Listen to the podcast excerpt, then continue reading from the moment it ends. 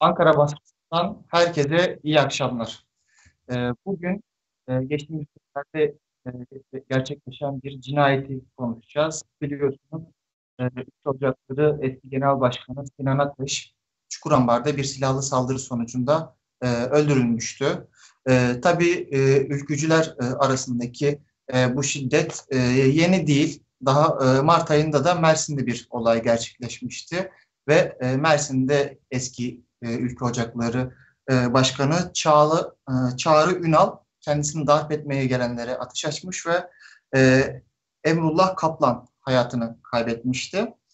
E, fakat e, şimdi e, Çukurambar'daki e, cinayet ve ardından e, şüpheliler arasında e, birçok MHP'li ismin e, bulunması, Gülsuy'un da e, Hasan Ferit Gedi e, cinayetine e, uzanması ve e, MHP'nin e, sessizliği diyebiliriz. Çünkü somut bir e, açıklama henüz e, gelmiş değil. E, tüm bunlar, e, tüm bu tartışmalar e, aslında e, MHP e, içerisindeki e, tartışmaların e, hangi şiddetli boyuta vardığında e, gösteriyor. Bu akşam konuğumuz e, MHP tarihi ve e, Türkiye'de faşizm üzerine özellikle e, tar, e, kitapları ve araştırmaları bulunan e, Doktor Fatih Yaşlı. Hocam hoş geldiniz yayınımıza. Hoş bulduk, iyi akşamlar. Akşamlar. Ee, hocam öncelikle şu, şunu soracağım. Şimdi Sinan Ateş'in öldürülmesinin öldürülmesi ve ardından yaşananlara baktığınızda ilk izlenimleriniz nelerdir bu siyasi süreçte? Hı hı. Şimdi öncelikle söylenmesi gereken şey şu, e, yani her yerde bunu anlatmaya çalışıyoruz. MHP'nin kendisi ve ülkücü hareketin kendisi esas olarak bir siyasal şiddet yapılanması olarak kurulmuş bir organizasyon. 1960'lı yıllar Türkiye'sinde sola karşı, sosyalist harekete karşı, emek hareketine karşı sokağı tutmak, sokaktaki hakimiyeti sağlamak adına kurulmuş bir organizasyon. Yani zaman zaman sola karşı devletin yapamadığı, yapamayacağı şeyler olur. Hukuk dışına çıkması gerekir. O dönemde, o durumda yapılması gereken bazı işler vardır ve işte Gladio, kontrgerilla, onun uzantıları orada devreye girerler. MHP'de aslında böyle bir yapılanmaydı. E, MHP zaman zaman kendi içerisindeki tartışmalarda, bölünmelerde, hizipleşmelerde birbiriyle kavga etti. Örneğin 69 Kongresi sonrasında e, atsızcılarla Türkeşçiler arasındaki ihtilaf ortaya çıktığında Atsızcılar Parti'den şiddet aracılığıyla uzaklaştırıldılar. İşte 1972 yılında Ali Balseven diye bir genç e, atsızcı Ankara'da Kurtuluş Parkı'nda Türkeşçiler tarafından öldürüldü. Yani e, kendi aralarında da birbirlerine şiddet uyguladıkları dönemler var ama bunlar genelde istisnadır. E, uzun aralıklarla gerçekleşir. Çok kamuoyuna yansımaz, büyük patırtılar çıkarmaz. E, ama eninde sonunda ortada bir şiddet organizasyonu olduğunu, bu organizasyonun devletle, Türkiye'nin güvenlik aygıtıyla bağlantıları olduğunu görmek lazım. Belki 12 Eylül öncesiyle karşılaştırıldığında şunu söyleyebiliriz. 12 Eylül öncesinin milliyetçi cephe hükümetlerinde zaman zaman MHP yer almıştı ama hiçbir zaman birincisi e, bu kadar güçlü bir şekilde hükümet ortağı olmamıştı. E, aynı zamanda da e, bu kadar devletin yargı ve güvenlik aygıtını bir şekilde kontrol edebilecek bir güce sahip değildi. Ama özellikle 15 Temmuz darbe girişimi sonrası Fethullahçı çeteden boşalan e, kadrolar AKP ile kurulan ittifak neticesinde e, ciddi oranda MHP'nin eline geçti. Elbette ki tamamı değil ama MHP'nin oy oranıyla orantısız bir gücü var şu an devletin içerisinde. Bunu görmek lazım. Dolayısıyla geçmişten biraz daha farklı bir süreç var. Öte yandan geçmişteki şiddet doğrudan sola sosyalizme yönelikti. Ama bugün özellikle Türkiye'de solun sosyalist hareketin, emek hareketinin zayıf olması nedeniyle ve aynı zamanda ülkücü hareketin fraksiyonlara bölünmüş olması nedeniyle bir de kendi içlerinde bir kavga var. Yani MHP'nin içinden İyi Parti çıktı. Daha önce zaten Büyük Birlik Partisi çıkmıştı. Örneğin şimdi bir Zafer Partisi var. BBP'nin içerisinden Milli Yol Partisi diye bir parti çıktı. Yani 4-5 tane böyle ülkücü fraksiyondan gelen ana gövdenin dışında da partilerin ortaya çıktığı bir yapı var ve özellikle 2019, 2020, 2021 yıllarında MHP'den İyi Parti'ye kayanların, Devlet Bahçeli'ye muhalif olanların biz bir takım cezalandırma e, operasyonlarıyla karşı karşıya olduğunu görmüştük. Yani sokak ortasında işte Selçuk Özdağ'ın dövülmesi, Orhan Uğuroğlu'nun dövülmesi, e, Sebahattin Önkibar'ın örneğin bir e, kitap fuarında saldırıya uğraması gibi vakalar vardı ama oralarda genelde sopa bıçak vesaire kullanılıyordu. Silah meselesi çok ortada yoktu. Sizin de söylemiş olduğunuz üzere Çağrı Ünel'e yönelik örneğin e, Adana'dan gelen, Adana Ülke Ocakları'ndan gelenlerin Çağrı Ünel'e yine herhalde e, üzerlerinde bıçak taşıdığını varsayarsak bir tür gözdağı belki yaralamayla sonuçlanacak bir işe kalkışacaklarını. Ama orada beklenmedik bir şekilde Çağrı Ünel'in onlara silahla karşılık verdiğini görüyoruz. Ve herhalde de ipler orada kopuyor. Çağrı Ünel Sinan Ateş'in yakın arkadaşı. Dolayısıyla Çağrı Ünel'in yapmış olduğu, vermiş olduğu bu karşılık ve bir ülkücüyü öldürmesinin faturası anlaşılan o ki Sinan Ateş'e kesiliyor. E bunun dışında Sinan Ateş yine anlayabildiğimiz kadarıyla Ülke Ocakları Başkanlığını bıraktıktan sonra siyasetten uzaklaşmamış. Yani külliyeyle görüşmeler yapabiliyor. Ankara Emniyet Müdürü'yle yürüyüş yapabilecek kadar yakın. Farklı illeri ziyaret edip oradaki milliyetçi muhafazakar kanaat önderleriyle görüşüyor. Ve hatta en sonunda işte e, hareketimizin aksakallıları, aksaçlıları diyerek İyi Parti'ye geçen bir grup e, yaşlı e, ülkücüyle poz veriyor.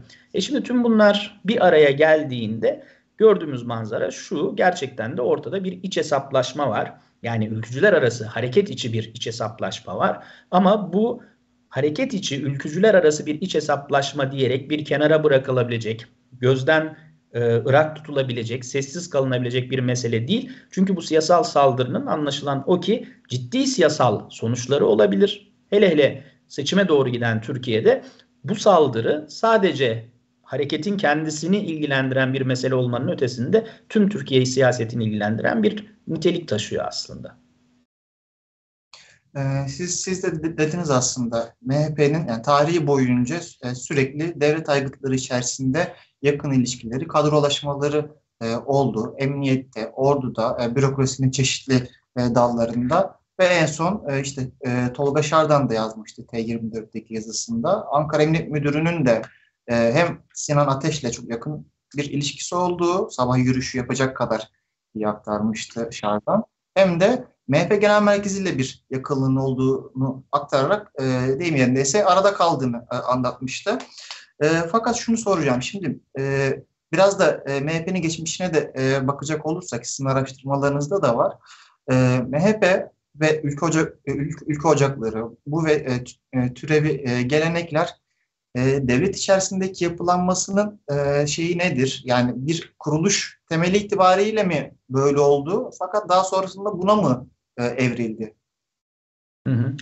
Yani aslında en başından beri e, MHP'yi kuran kadrolar devlet lobi ekiptir. Yani Türkeş işte 1948'de önceki 1944 ırkçılık Turancılık davasında yargılanıyor, ceza alıyor genç bir teğmenken. Sonrasında devlet e, Nazilerin yenileceğini anlayıp e, işte Sovyetler Birliği'ne iyi görünmek için bu operasyonu yaptıktan sonra Soğuk Savaş konjonktüründe bu ekibi affediyor. E, Türkeş orduya dönüyor. Orduya döndükten sonra 50'li yıllar boyunca NATO'da görev yapıyor. Albay rütbesine kadar yükseliyor.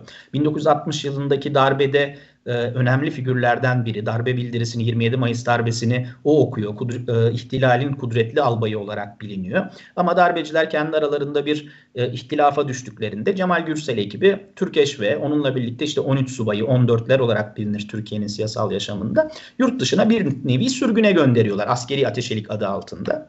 1965 yılında Türkeş görevlerinden istifa edip e, Türkiye'ye dönüyor ve CK, CKMP'nin Cumhuriyetçi Köylü Millet Partisi'nin başına geçiyor arkadaşlarıyla birlikte.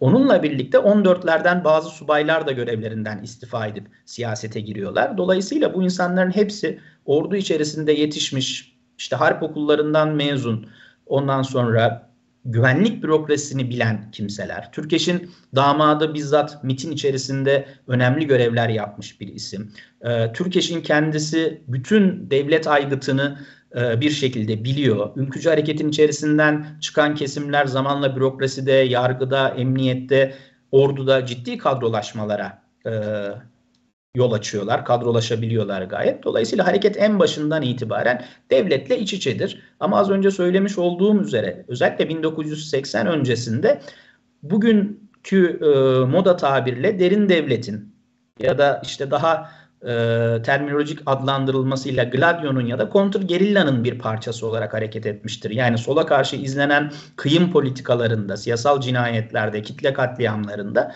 Gladio ile birlikte bir işbirliği içerisinde olmuştur. Ana hedefte esas olarak solun sokak hakimiyetini engellemektir, ortadan kaldırmaktır. Bunun için mücadele edilmiştir.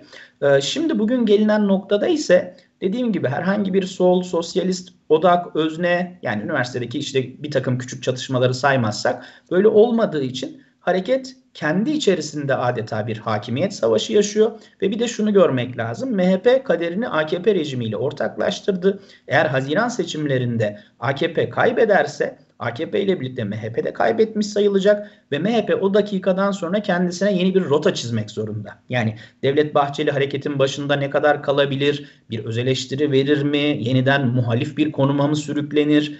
Bunların hiçbirini bilemiyoruz. Dolayısıyla MHP açısından bugün o çok sevdikleri tabirle bir beka sorunu var. Yani bir varoluş sorunu var. Eğer Haziran ayında AKP rejiminin kaybetmesiyle sonuçlanacak bir e, seçim yaşarsa Türkiye işte ya da Haziran'dan önce onu bilemiyoruz.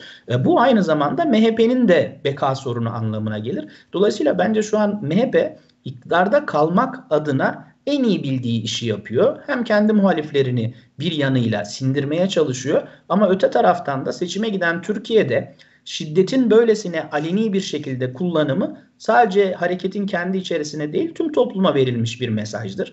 Bu nedenle de bu cinayetin soruşturulması, açığa çıkarılması, aydınlatılması önemlidir. Çünkü eğer bu cinayet aydınlatılmazsa ve çok kısa süre içerisinde kapatılırsa biz emin olalım ki Türkiye Zaten hepimizin böyle endişeleri var. Yeni bir şiddet sarmalıyla, yeni bir şiddet dalgasıyla ve topluma daha çok sopa gösterilerek seçime götürülebilir.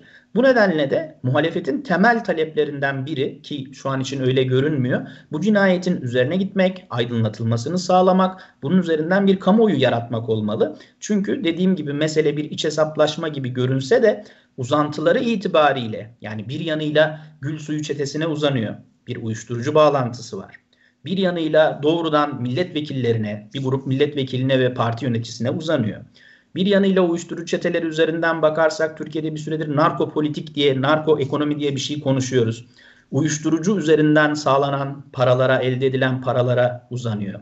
Bir yanından örneğin işte bugün Alican Uludağ'ın bir iddiası vardı. Suçlu e, tetikçi Suriye'ye kaçmış olabilir mi? Bir yanıyla mesela faillerin bir kısmının işte Türkmen Dağı'nda e, Suriye devletine ve YPG'ye karşı savaşmaya, oradaki ÖSOCU gruplarla savaşmaya gittikleri söyleniyor. ÖSOCU grupların saflarında ki ÖSOCU grupların hepsinin MIT'in kontrolünde olduğunu hatırlamalıyız. E şimdi tüm bunları bir araya getirdiğimizde mesele tekrar söylemiş olayım bir iç hesaplaşmanın ötesinde günümüz Türkiye siyasetine dair bir panoramaya tekabül ediyor.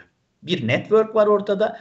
Eğer bu cinayetin üzerine gidilmezse o network varlığını devam ettirecek Üstelik seçime doğru giden Türkiye'de seçimi bir şekilde manipüle etmek için başka işlere de kalkışacak. O yüzden dediğim gibi bu mesele basitçe bir iç hesaplaşmanın ötesinde algılanmalı. Ama ben dün de bugün de gözlemleyebildiğim kadarıyla muhalefet son derece düşük perdeden bu cinayete tepki verdi. Yani Kılıçdaroğlu dün işte bizim de bildiklerimiz var ama aile istediği için susuyoruz dedi. Akşener ben tam tersi bir açıklama bekliyordum Akşener'den. Bugün şöyle bir açıklama yapabileceğine dair dün katıldığım bir programda tahminde bulunmuştum. Demiştim ki yani Kılıçdaroğlu sustu ama belki Akşener ülkücü hareketin içine seslenen, doğrudan onu muhatap alan, oraya vurgu yapan, cinayetin aydınlatılmasını isteyen, MHP'yi hedef tahtasına oturtan yüksek, güçlü bir çıkış yapabilir belki diye düşünmüştüm. Bütün bir siyasi gündemi değiştirmek adına ve iktidarı köşeye sıkıştırmak adına. Ama bunu yapmadılar.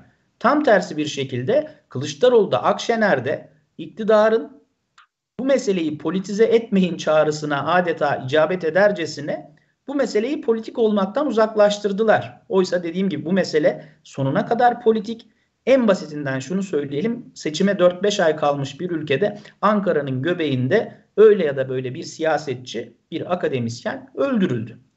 Bu gündüz vakti işlenen, herkesin gözü önünde başkentin merkezinde işlenen cinayet sadece birkaç tetikçiye ve onun yardımcılarına yıkılır ve üzeri kapatılırsa buradan çok ciddi ülkenin geleceğine dair tehlikeli bir süreç çıkar. O yüzden bu meselenin üzerine gidilmesi lazım. E, bir yandan hatırlatmakta da fayda var bence. Bu Mart, Mart ayında Mersin'de yaşanan cinayette de e, iddianamesine baktığımızda hiçbir e, siyasi kelime geçmiyor. Yani e, sıradan e, bir e, adli vaka, adli bir cinayet, e, adli bir anlaşmazlık olarak geçmişti. Fakat sanıyorum bu Ankara'daki e, cinayet e, bu kadar kolay e, kapatılamayacak en azından siyasi tartışmalar e, açısından. E, bir de şeyi sormak istiyorum hocam. Şimdi e, yine e, bir bütün olarak baktığımızda hem MHP'ye hem de e, ülkücü harekete e, şöyle bir durum var. Sizin de, de dediğiniz gibi. E, 80'lerin sonuna kadar, daha doğrusu 80'lere kadar kadar bir antikomünist hareket, 80'lerin sonundan 90'lara kadar e, ve yine bugüne kadar sarkan bir e, bir Kürt karşıtlığı üzerinden e, politika üretiliyor. Fakat e, bugüne geldiğimizde yine bir e, HDP düşmanlığında, Kürt hareketi düşmanlığında kendisine ne kadar var etse de e, politikayı AKP ile birlikte yürütüyor.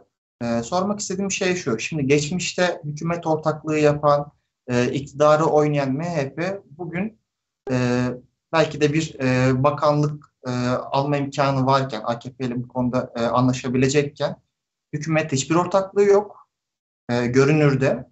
Fakat e, AKP ve MHP ülkeyi birlikte yönetiyor. Hatta e, birçok e, uygulamada hatta yargıdaki kararlarda gördüğümüz üzere Bahçeli'nin isteği üzerine bazı şeyler oluyor. E, sorum şu, e, MHP e, yönetimde olmadan yönetme e, taktiğiyle e, olası bir seçim e, kaybı durumunda e, bu yine ilgiden e, kaçabilir mi? Ya da hesap bu değil de başka bir şey mi? Siz nasıl görüyorsunuz bu e, MHP'nin e, iktidar ortaklığı tutumunu? Evet bence hani işin bir boyutunda bu var. Eğer yarın bir gün AKP seçimi kaybederse MHP çıkıp daha kolay bir şekilde yani koalisyon ortağı olmasından daha kolay bir şekilde e, biz iktidar ortağı değildik, koalisyonun bir parçası değildik, biz bir tür denetleme görevini üstlenmeyi tercih etmiştik deyip kendini kurtarmaya çalışabilir. Yani bu ne kadar inandırıcı olur, ne kadar inandırıcı olmaz bilmiyorum ama MHP bir tercih yaptı. O tercih şuydu, AKP 20 yıllık iktidarı boyunca sürekli e, bir takım ittifaklar kurdu ve o ittifakları dağıttı ve bir şekilde de yoluna devam etti. 15 Temmuz sonrası yani özellikle 2013'e kadar işte liberallerin de hatta işte Kürt hareketinin zaman zaman da sempati duyabileceği işler yaparak ilerledi. 2013'ten itibaren Gezi ile birlikte liberalleri sırtından attı. Sonra çözüm sürecini sonlandırarak Kürtlerle diyalog zeminini ortadan kaldırdı Kürt hareketiyle. 2015 Temmuz darbe girişimi sonrasında da Fethullahçı çeteyle bağlantıları bütünüyle koptu. O noktadan itibaren devleti kontrol edebilmesi için özellikle güvenlik ve yargı aygıtını Fethullahçılara karşı o temizlik ve tasfiye operasyonlarında bir güce ihtiyacı vardı. O gücü de MHP'de buldu. Dolayısıyla AKP'nin elbette ki MHP'ye bir mecburiyeti var. Ama öte yandan MHP de şunun farkındaydı. Asla ve asla Türkiye'de tek başına iktidar olabilecek bir oy çoğunluğuna sahip olamaz. Öte yandan işte başkanlık sistemini arzulayan bir Erdoğan varken Erdoğan çok büyük e, bir e, müşkülat olmazsa koalisyon kurmaya yanaşmaz. Dolayısıyla bir tür dışarıdan destek kontrol, denge kontrol mekanizması gibi kendisini sunmaya çalıştı. Ka- e, bürokrasi içerisinde kendisine pay istedi. Yargı içerisinde, emniyet içerisinde, ordu içerisinde atamalarda kendisine pay istedi.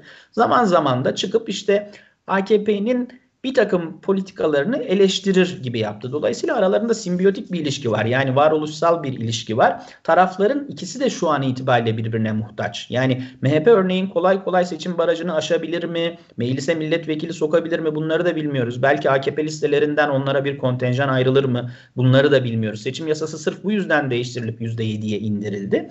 Ama önümüzdeki süreçte hele hele artık İyi Parti gibi bir çekim gücü olan yeni bir ülkücü fraksiyon varken ki kendisini aynı zamanda artık merkez sağın da bence partisi ve hatta CHP'nin yerine belki de ana muhalefet partisi olarak konumlandıran bir parti var parlamenter rejime geçilirse. Bu nedenle de ben MHP'nin işinin kolay olacağını sanmıyorum. Yani MHP hiçbir zaman tarih sahnesinden öyle kolay kolay silinmez çok radikal bir iş olmadıkça ama giderek seçimden sonra kendi kabuğuna çekilen, daha da marjinalleşmiş, kendi çekirdek kitlesine inmiş eğer seçim kaybedilirse tabii böyle bir partiye dönüşebilir. İşte tam da herhalde bu yüzden AKP'ye ve AKP rejiminin devamlılığına öyle büyük bir yatırım yaptı ki MHP bu saatten sonra o yatırımı kaybetmek istemediği için bu tür işlere kalkışıyor anlaşılan. Ve dediğim gibi önümüzdeki süreçte bu tür işlerin biz benzerlerini eğer muhalefetten güçlü bir karşı çıkış gelmezse ya da devletin içerisinden bazı ekipler, bazı gruplar cinayete dair daha büyük ifşaatlarda bulunup meseleyi daha da hararetlendirmezlerse e, ben bunların tekrarlanabileceğini belki birebir cinayetler değil ama memleketin muhalif kesimlerinin gözünü korkutmaya çalışacak bir takım işlere kalkışılabileceğini düşünüyorum açıkçası. Ee, çok teşekkürler hocam. Son olarak eklemek istediğiniz bir şey varsa e, onunla kapatalım. Yani herhalde her şeyi en azından bu süre zarfında konuşabileceğimiz her şeyi konuşmuş olduk. Teşekkür ediyorum ben de. İyi akşamlar diliyorum. Teşekkürler. Ee, evet bu hafta konumuz Fatih Yaşlı'ydı. Ee, Ülke Ocakları eski Genel Başkanı Sinan Ateş cinayeti ve e, sonuçlarını e, konuştuk. E, MHP ve Ülke Ocakları'nın geçmişten bugüne bu şiddet sarmalığı içerisindeki faaliyetlerini, devletin çeşitli kademelerindeki hem yargıda hem bürokraside hem de kontrgerilla içerisindeki yapılanmasını konuştuk. E, ve son olarak da e, seçim sürecine değindi ve bu konuda uyarılar yaptı Fatih Yaşlı. Haftaya yeni programımızda görüşmek üzere. Herkese iyi akşamlar.